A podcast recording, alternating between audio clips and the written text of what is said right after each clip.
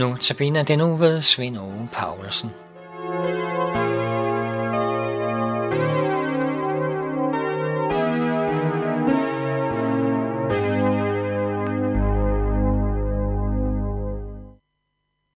Andagterne i denne uge er taget fra, om jeg så må sige, oplægget til søndefaldet. Vi vil prøve at gå lidt i dybden med den ganske korte samtale mellem Eva og slangen i Edens have, der førte frem til dette, at mennesket ikke mere kunne være i Guds nærhed. Og samtalen har vi jo i 1. Mosebog kapitel 3, hvor de indledende vers lyder. Slangen var det snedigste af alle de vilde dyr, Gud Herren havde skabt, og den spurgte kvinden, har Gud virkelig sagt, at I ikke må spise af træerne i haven? Kvinden svarede slangen, vi må gerne spise af frugten på træerne i haven, men frugten på det træ, der står midt i haven, har Gud sagt, at vi ikke må spise af, og ikke røre ved, for ellers skal vi dø. Men slangen sagde til kvinden, vist skal I ikke dø. Slangen i paradiset er en personificering af djævlen, og Guds modstander.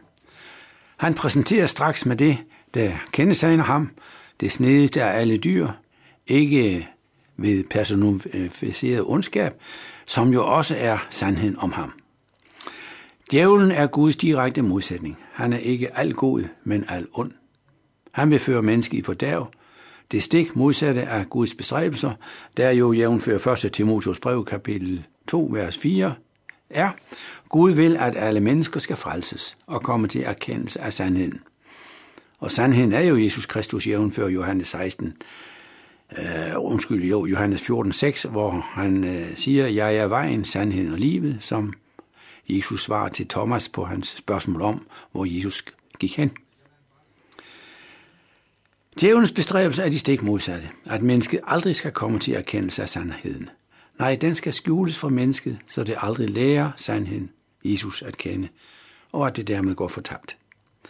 Netop på grund af denne bestræbelse præsenterer djævlen sig med ondskaben skjult. Kun hans snedighed omtales. Og djævlen kan besnakke mennesket. Han er tvetunget som en slange, han taler overbevisende og høfligt, lytter opmærksomt og har kun små korrektioner til Evas opfattelse af forholdene i Edens have. En elegant forfører. De er stort set enige, de to. De to er jo samtalepartnere i en samtale, hvor der er nogle nuanceforskelle, men ellers ikke noget. Den fede løgn bruger djævlen ikke. Den vil være til at få øje på. Så den hopper jo ingen på, men halve sandheder og halve løgne i kombination, så det er svært at gennemskue. Slangens første spørgsmål er, har Gud virkelig sagt? så bemærk, slangen tror skam på Gud. Han er ikke ateist eller fritænker. Nej, han er en af vores, må Eva tænke. Vi tror begge på Gud. Vi har en fælles platform. Og djævlen er altså ikke spor farlig.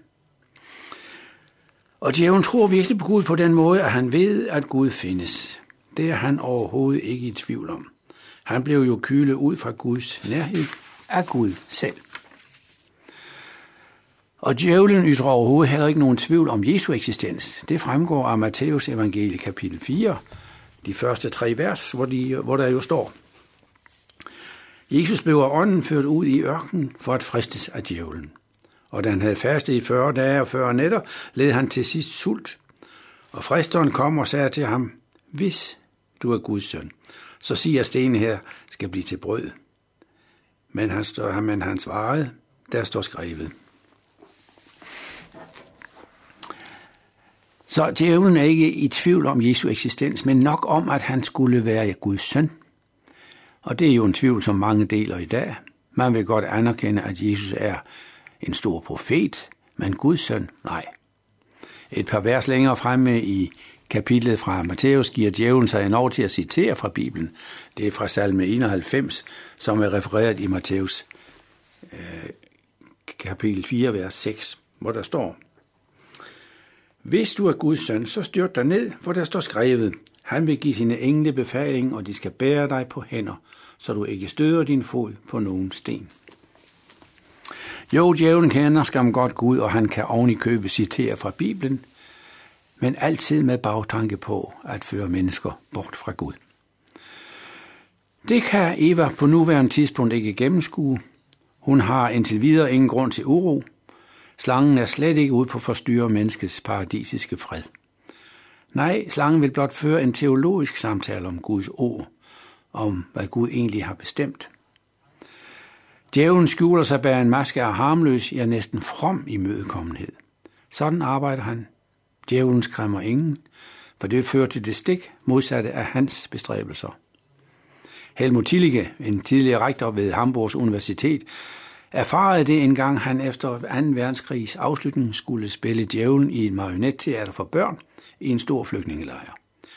Tillige valgte at spille djævelens rolle med en skrækindjagende rød djævledukke på hånden, og med svovlætsende stemme rådede han børn til at være ulydige. Gør alt det, der var uartigt. I skal aldrig vaske jer. I må gerne række tunge, også af de voksne, osv. osv. Den pædagogiske succes, som Tillige opnåede, var forrygende. Børnene vaskede sig omhyggeligt. De ophørte helt med at række tunge. Jeg stik imod djævledukkens opfordringer. Ja, ved de næste forestillinger stemte de oven i købe hans råd ned med øredøvende protester, når han kom med sine nederdrægtige råd. For børnene var helt klar over, at djævledukken blot ville bringe dem ud i problemer, hvis de gjorde, hvad han opfordrede dem til. Det sidder til synligheden instinktivt i os mennesker, at ulydighed mod autoriteten betyder problemer. Ja, at forhold til denne autoritet ændres på en måde, så at det fredelige forhold mellem autoriteten og den underordnede i realiteten må ophøre. Enten fører autoriteten sin vilje igennem, eller autoriteten ophører med at være autoritet. Ja, den underordnede overtager selv rollen og bliver autoriteten. Og det er det, der er på færre i djævelens samtale med Eva.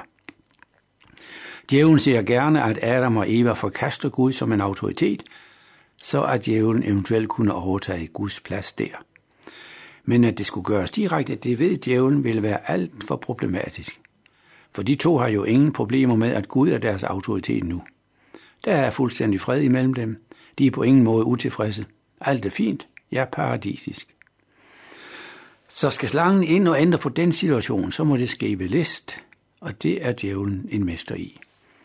Vi går videre med det drama i morgen.